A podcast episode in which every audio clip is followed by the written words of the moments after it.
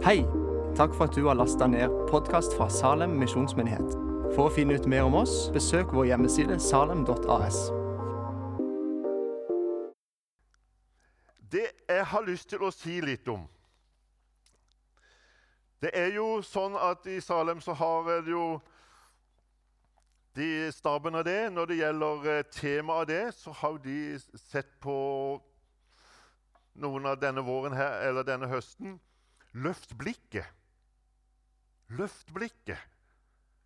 Og kan det være noe bedre enn det å løfte blikket? Og da har jeg lyst til å ta noen vers fra Efeserbrevet 1. Efeserbrevet 1 og 2, spesielt 1, det er mitt kapittel.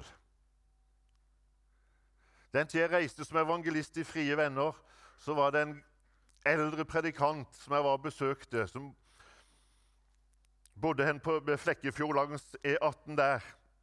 Som jeg var inne og besøkte etter at jeg hadde hatt møter i Sira. Frie venner der. Så snakka vi om det, og det wow!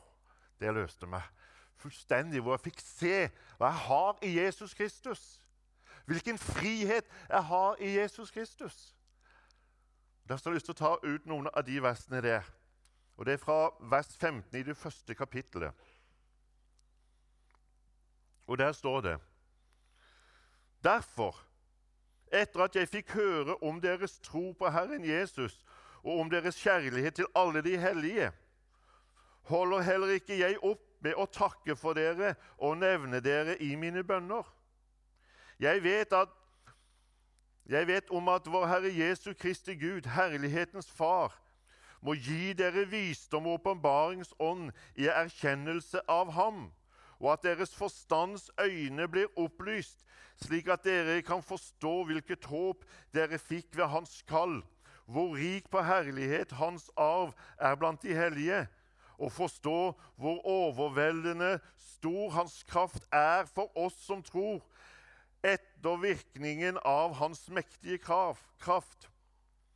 Det var den han lot virke i Kristus da han reiste ham opp fra de døde og satte ham ved sin høyre hånd i den himmelske verden, høyt over alle myndighet og makt og kraft og herredømme, og over navn som nevnes ikke bare i denne tidsalder, men også i den kommende. Og han la alle ting under hans føtter og gav ham til menigheten som er som hode over alle ting, menigheten som er hans kropp fylden av Ham som fyller alt i alle. Amen. Jeg har lyst til å, som sagt, å si løft blikket ved å lese eller se i bankboka. Dette er vår himmelske bankbok. Og Jeg syns det er veldig artig å, å se litt når det gjelder Efeser-menigheten. Så var Efesos var en menighet, og det var en by på den tid som Paulus eh, skrev, som var, var veldig kjent. Det var en av oldtidens mest eh, kjente steder. Den var berømt for, den, for sitt eh, handelssenter, for sin kunst og for sin vitenskap. Men det var to ting som gjorde byen spesielt berømt på Paulus tid. Det ene det var et prektig marmortempel som var bygget for gudinnen eh, eh, Artemis, eller Diana. Og For det andre så var Efesos var hovedsete for datidens trolldomsvesen, den såkalte magi.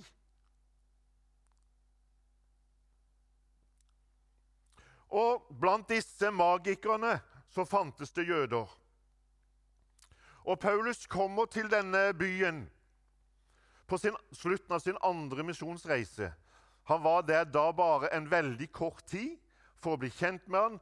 Så reiste han fra Efesos, og så kom han tilbake igjen i løpet av sin tredje misjonsreise. Og Da var han der noen sier to år, og noen sier tre år. Men la oss si to-tre år, så var han i hvert fall til sammen i, eh, i denne byen. Og på disse årene som Paulus var der, og hvor det ble da danna menigheter, så opplevde de at Guds ord hadde fremgang. Og I Apostelsgjerningen 19, og vers 19 og 20 så beskriver eh, Lukas det slik også mange av dem som hadde drevet med trolldomskunstner, samlet sammen bøkene sine, kom med dem og brant dem mens alle så på.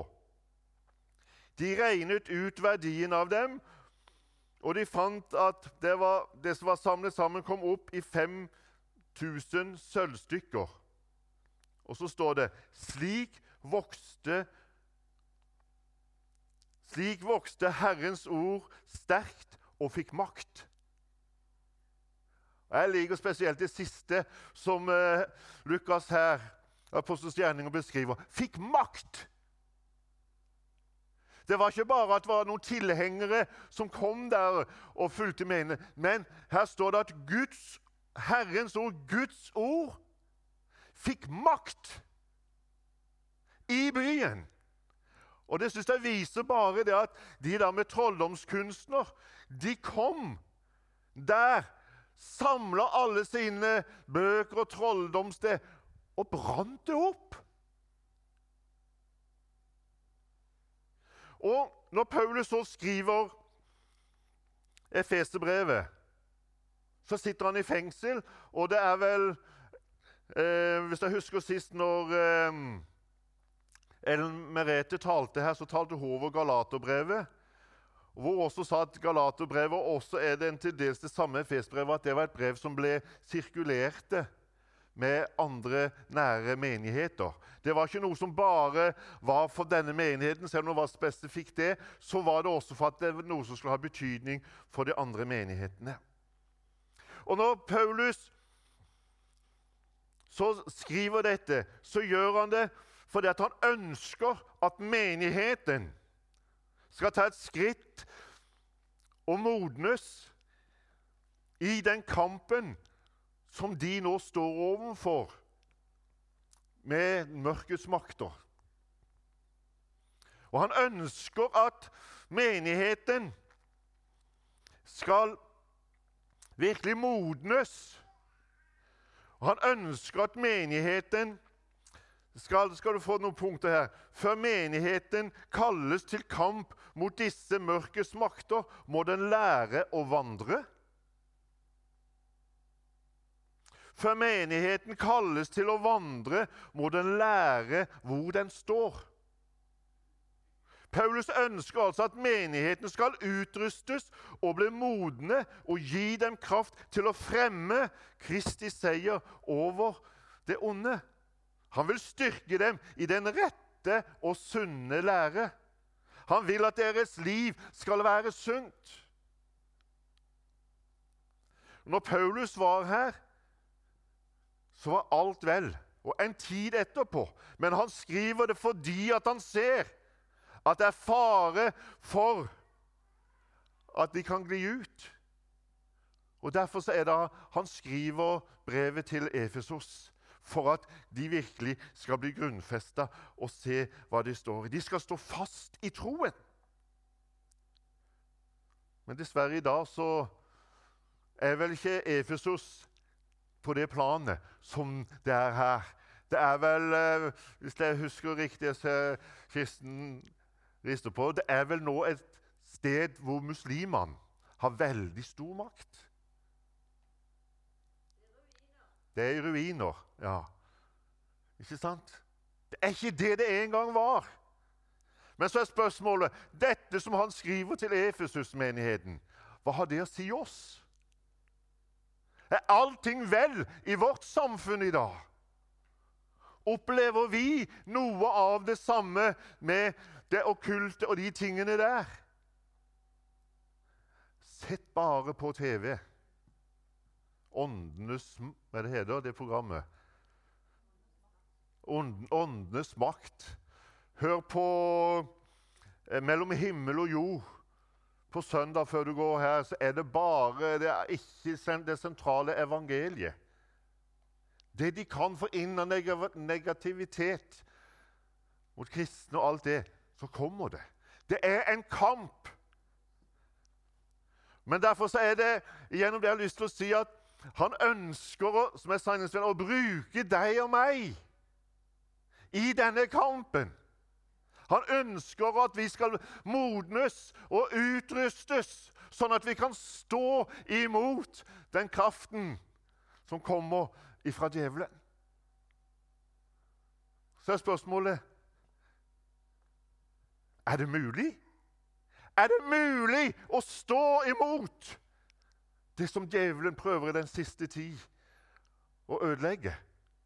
Så jeg er veldig glad for at denne bankboka her sier ja. Fordi at jeg har gitt dere ressurser. Bare ta og les bankboka!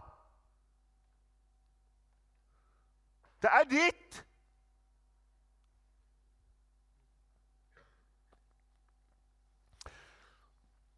Jeg hopper over litt av det jeg har skrevet her. For at du er kanskje sånn som meg, som av og til, når jeg leser Bibelen, så erfarer jeg at Amen, jeg strekker ikke opp til det. Jeg når ikke opp til det. Sånn som Paulus her beskriver at, eh, om at de, de, har kjærlighet til alle de hellige, alle sammen, og alle mennesker. Mange ganger kjenner jeg det, det, det, det er når ikke jeg opp.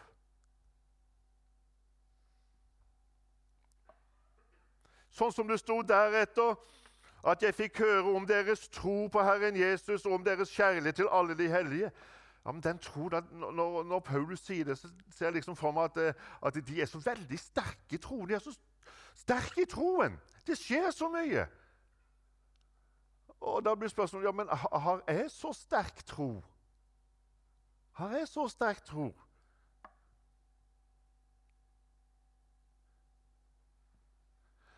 Og når det gjelder, så har jeg skrevet her Vent nå litt før du og meg er for bastante i våre meninger om dette og sammenligner oss med de hellige Efesus.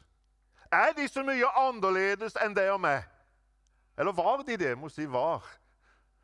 Var de det? Disse efeserne var personer som også hadde levd et liv uten Gud. De var åndelig døde fordi de levde i ulydighet og synd.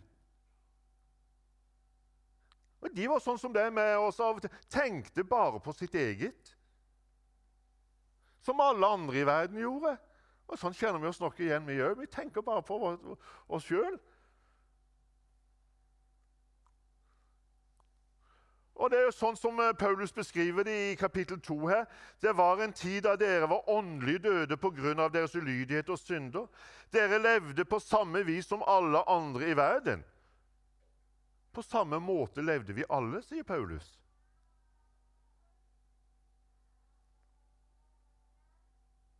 Videre så forteller Paulus om disse personene at der de er i dag, så er ikke det av egen fortjeneste.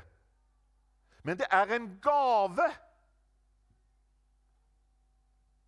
som de har fått lov til å ta imot av nåde, gratis.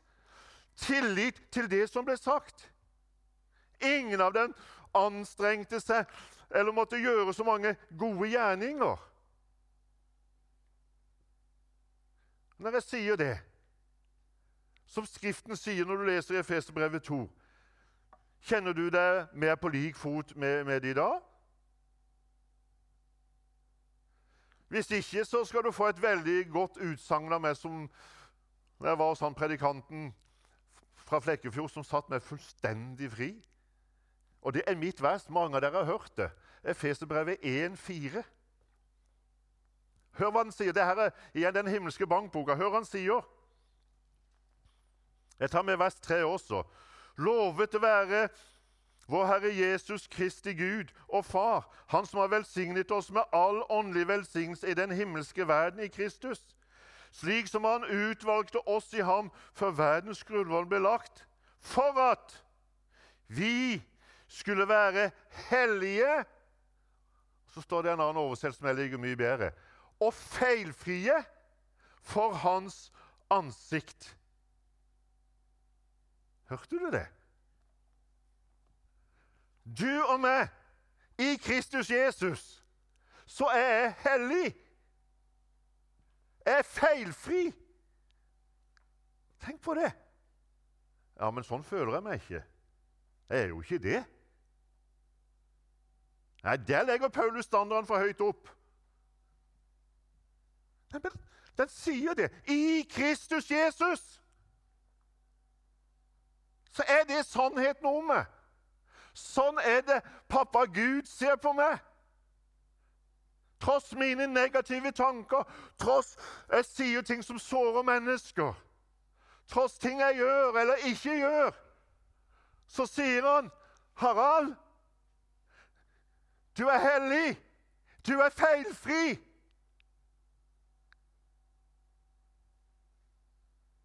Men det er av nåde.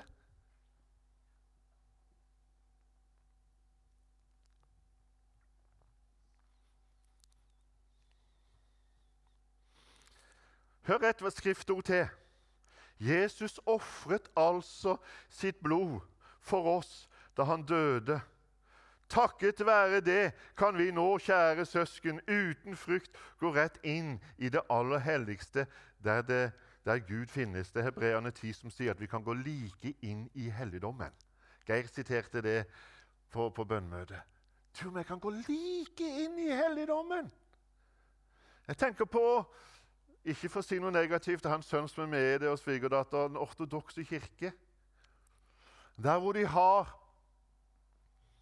ja, si her sånn, Så har de et rom bak der, og så er det en dør som skal være det, hellig, det aller helligste. Der er det bare presten som kan gå inn. Ingen andre får lov til å gå inn i det. Men her sier altså Bibelen sier Guds ord, sier Den hellige ånd gjennom det Paulus skriver til menigheten. Eller det var til hebreerbrevet, unnskyld. var til hebreerbrevet. Han sier at i kraft av lammets blod kan vi gå like inn i det aller helligste. Ja, For det at i Jesus så er jeg feilfri, jeg er fullkommen. Jeg får lov til å gå inn der.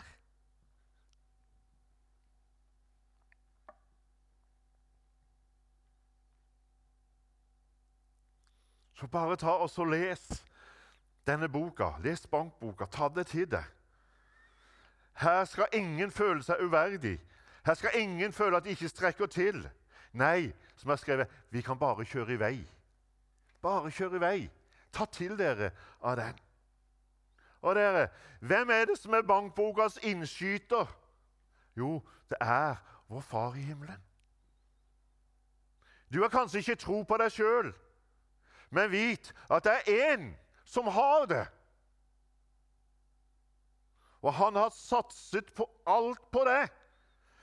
Skal jeg ta litt sånn privat Jeg hadde for en del år tilbake hvor jeg, eh, var, veldig, jeg var veldig opptatt av mye mer enn det jeg er nå. Opptatt av å få positive tilbakemeldinger når jeg preka, eller hva ting jeg gjorde. Og Da var det en, en morgen jeg satt nede i kjelleren på Sørdal og hadde bønnestunda mi. Og jeg klagde, klagde, nok for Gud på det der. Det. Så sier han, ja, men du Harald, hva er det som betyr mest for deg? Er det det at det er mennesker som kommer og roser deg, som er fornøyd med deg? Eller er det det at jeg er fornøyd med deg, sånn som du er? Og Da var jo svaret enkelt. Det er jo det at han er fornøyd med meg. Det at han ser at jeg strekker til. Det at han roser meg. Det at han holder meg oppe. Det er ikke dermed sagt at det ikke er koselig med oppmuntringer. Men det er ikke det som skal være det essensielle. Du og meg vi får lov til å vite at denne bankboka forteller at vi strekker til. At vi er betydningsfulle. Denne, Det vil oppmuntre til Å, oh, herligheten, tida flyr. Jeg skjønner at det er lenge siden jeg har preka. ja, jeg traff noen andre i menigheten her i går som sa det. 'Harald, ikke hold på lenge.' jeg skal ikke holde på for lenge.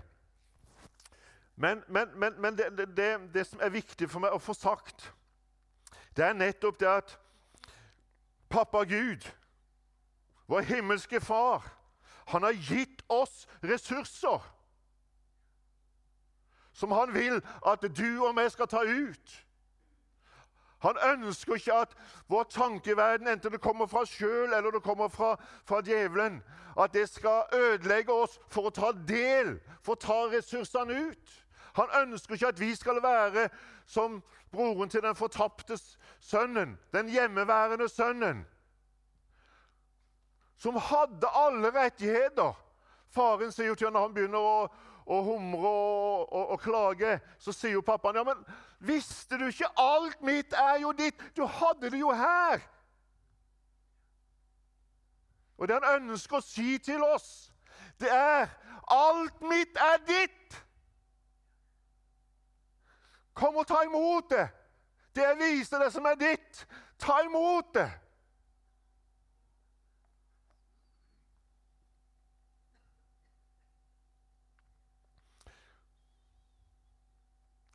Og, og, for, og, og, for, Gud, og for pappa Gud Når han har ressurser han vil gi oss, så ønsker han Jeg, jeg ser bare for meg at eh, når eh, våre, våre, kong, våre, våre konger og dronninger når de har bursdag eller er rundt, eh, så skal, får de jo alltid blomster av barn, ikke sant?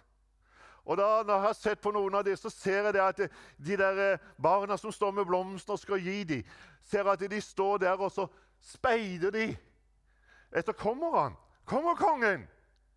Kommer dronninga, så jeg kan stå fram og få gitt den? De har bare denne begeistringa om å få gitt blomstene til kongen og dronninga. Og På samme måte tenker jeg pappa Gud. Han står der, han har ressursene. Og bare titter fram. Til kommer de og tar imot blomsten. Til kommer de og tar imot ressursene og vil bruke det.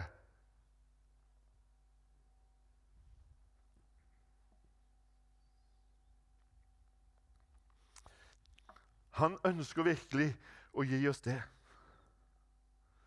En viktig faktor er at vi lar Den hellige ånd forfylle våre liv. Paulus skriver jo her i det vi leste innledningsvis Jeg ber at Gud, vår Herre Jesu Kristi mektige og vidunderlige Far i himmelen, skal la sin ånd gi dere visdom og forstand, slik at dere dag for dag lærer Gud bedre å kjenne. Den hellige ånd.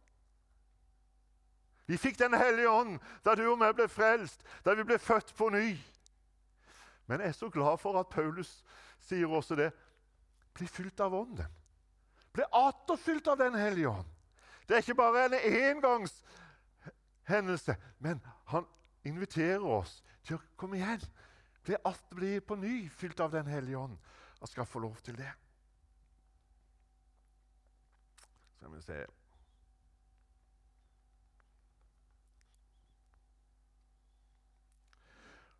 Og så sier han her i vers 19.: Jeg ber om at dere må forstå hvor utrolig sterk den kraft er som Han lar virke i oss. Ser du ressursene igjen som vi har? Det gjelder oss alle. Og jeg, jeg har tenkt litt på det, vårt bilde av Gud, pappa. Nå kan du ta opp det bildet som er der. Det har en historie. Hvorfor jeg tar fram det? Det bildet der det er fra altertavla i Vår Frelser kirke i København. Jeg var der på tur med Kristiansand Parkering. Det var faktisk talt en litt artig Unnskyld, nei, ikke artig, men når vi kom til København på det, så gikk vi forbi en plass som heter Israels plass. Så sier jeg til kollegaen min det der vi går med koffert, og det at her er det kimen til at det kan smelle. sier jeg. Når vi våkner neste morgen, så har det vært et, en bombe nettopp på den plassen. Men det var ikke det. Men så en av dagene så gikk jeg sammen med en, de som var, noen som var på turen. Vi gikk inn der, og det var Geir, vår kommende hovedpastor, som sa du må gå fram, og så må du se for Kristusfiguren. Så går jeg fram, og jeg ser bare han står bare sånn. Tenkte, hva, det, liksom, det, sier meg ingenting. Så sa jeg at Geir, jeg var og så på det, men hva, hva, hva var du med den? Nei, Han sa du må gå inn over alteret så må du knele ned. Og så må du rette blikket opp. Så gjorde jeg det neste dag. Så gikk jeg inn, knelte framfor Kristusfiguren der på bønne... Hva heter det for noe? Ja, der vet du hva jeg mener. Så knelte jeg der, og så så jeg opp. Så traff jeg øynene til Jesus. Og vet du hva jeg så? Jeg så en Jesus som var mild, som strålte av omsorg, som strålte av glede. Han så ikke over meg, han så meg inn i øynene. Jeg så bare godhet. Jeg så takknemlighet. Og Derfor så syns jeg det temaet ja, løft blikket. Løft blikket opp og se på Jesus. Og Derfor syns jeg det er så viktig det jeg sa. Se på deg, hvordan han ser på deg. Hvordan han ser på deg.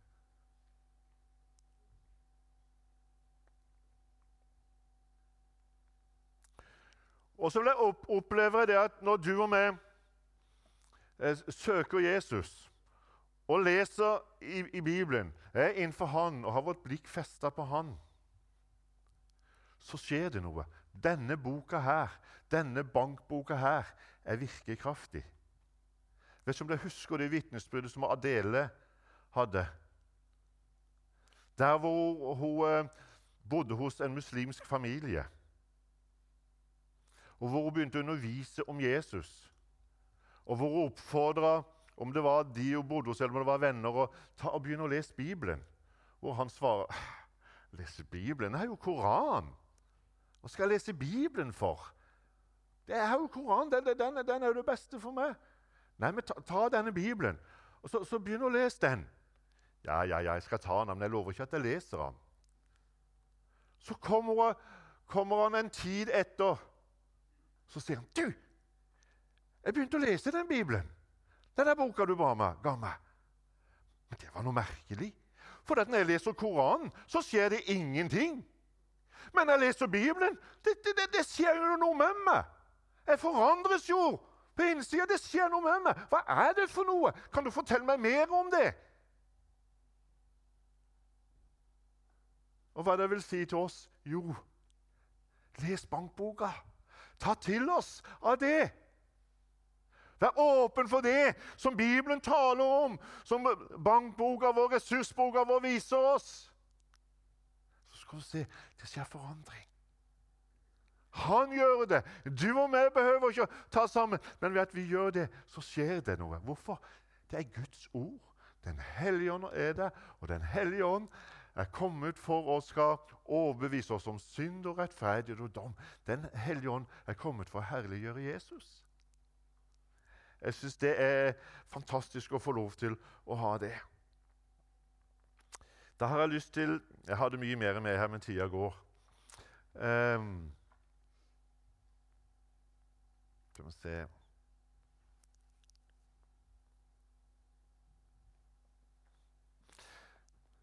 Jeg har lyst til å ta, å ta med det litt. Jeg må ta med det. Eh, Jesus sier at 'jeg er vintreet'. Dere er grenene. Den som blir i meg og jeg i ham, han bærer mye frukt. Foruten meg kan dere slett ikke gjøre noe. Så sier han jo, hver gren på meg som ikke bærer frukt, den tar han bort. Den hadde jeg veldig problemer med. Her står det jo altså hver gren på meg som ikke bærer frukt, den tar han bort. Så hvis det en periode ikke er bær og frukt, tar han meg ut av stammen? Eller hva skjer? Men så, så kom jeg over noe, så leste jeg det at det var en eh, I det greske ordet som er brukt for 'ta bort', så ligger det egentlig å løfte opp. Og Så leste jeg en historie hvor det var en vingårdsmann fra California som forteller om sitt arbeid på vingården. Han sier at nye grener har en naturlig tendens til å henge ned mot marken og vokse langs bakken. Men det bærer ingen frukt. Bladene blir dekket av støv. Når det regner, blir de sølvete og får meldugg. Hva gjør han da? Kutter han av de grenene som ligger langs marken? Nei! Hva gjør han? Han løfter de opp og vasker de. Han kan ikke kutte dem av, for de er altfor verdifulle til det. Han surrer dem rundt en støttestaur, slik at de trives og begynner å blomstre. Jesus er denne vingårdsmannen som gjør det samme med oss. Når du og meg ikke bærer frukt, når du og meg faller, så kutter han oss ikke av. Han kommer og løfter oss opp og vasker oss og renser oss. Det er bra. Har det vært noen sånn der frimodig predikant som har hørt et amen? Ikke sant? Jeg syns det er så et nydelig bilde. Fordi at om vi er fullkomne og feilfrie i Jesus Kristus, så vet vi så feiler vi. Men så kutter han oss ikke av. Han kommer og løfter oss opp og renser oss. Og så ser jeg det for meg det. Så skal du og meg som brødre og søstre. Vi skal være med og løfte hverandre opp. Når vi ser at noen har falt, vi skal være med og løfte dem opp. Vi skal ikke være med bare være der. Vi skal si sannheten, for sannheten skal sette mennesker fri. Men vi skal være med og løfte dem opp. Og det gjelder hver eneste en av oss. Det gjelder meg. Det gjelder det. Det være seg i menighetssammenheng, det være seg på jobb. Vi skal være det. La meg én ting til slutt. Når det gjelder dette løft blikket Jeg har, som sagt, jeg er jo så heldig at jeg får lov til nå eh, igjen å være med i besøkstjenesten. I forrige uke denne uka var det så jeg besøkte noen eldre i menigheten. Å få lov til å være der sammen med de. Kjenne hvor de uttrykker De har en lengsel etter å møte Jesus igjen. Og Så tenker jeg løft blikket! Løft blikket. Forløsningen stunder til, der vi skal få lov til å møte Han. Og så får vi lov til å se ut ifra Skriften at vi lever i de siste tider. Og En av de tingene som er, som er blitt mer hjertelig Jeg har alltid vært glad i Israel, men jeg må si det siste så kjenner jeg det enda mer. Skulle ønske jeg hadde ressurser til å reise ned. Men jeg har jo en sønn som bor i Australia, som tar veldig mye av reisemidlene. Men å se Israel, Guds folk, og se hvordan det som denne ressursboka her, Bibelen taler om, skal skje med Israel i de siste tider Og se, det skjer. Blant annet én ting jeg måtte inn og se. Når det gjelder Bibelen taler om at jødene skal komme tilbake til sitt land. Og det øker og øker og øker som bare det. I 2015, etter det jeg så, så var det 30 000 jøder som kom tilbake, reiste tilbake til, til Israel fra Europa. Og Det er dobbelt så mange som det var i 2013. Så det bare øker og øker. En annen ting som vi ser igjen Jeg har tenkt meg det at det med, med jødeforfølgelse det var bare under annen verdenskrig. Nei. Det skjer i Norge. Det skjer i Norge. Det er jødeforfølgelse. Vi lever i de siste tider. Løft blikket! Han kommer snart og henter oss. Vi skal få lov til å være sammen med han. Men så vil han bruke oss i den tid er det han vil sette oss i stand til at mennesker skal bli frelst. At jøder skal bli frelst i Israel. Jeg var på et fantastisk eh, eh, seminar om Israel i går på Q42. Da var jeg i Betania, forresten. Da hadde de det der. og Det var der jeg delte ut maten. Det var der de hadde som, Jeg var veldig heldig fikk være der. Og, hvor det var en som bodde i, i Israel. Hun var ikke jøde sjøl, men hun var gift med en jøde og hadde enorm informasjon om det som, som skjer der nede. Så kjære nådesøsken, vi lever i en veldig spennende tid. Og han vil bruke oss, bruke Salem, bruke dere ungdommer. Bruke de i 30-40-årene, og de jo helt opp til Se hvem jeg er eldst her. Ja, 70-åra, 80-åra. Han vil bruke oss. Jeg håper at det jeg har sagt nå Som sagt, jeg hadde mye mer, men eh, jeg får høre på deg, vedkommende som sa det. det er ikke for lange. Men se opp, løft blikket. Ikke se på det du ikke får til, men se på det han får til igjennom det.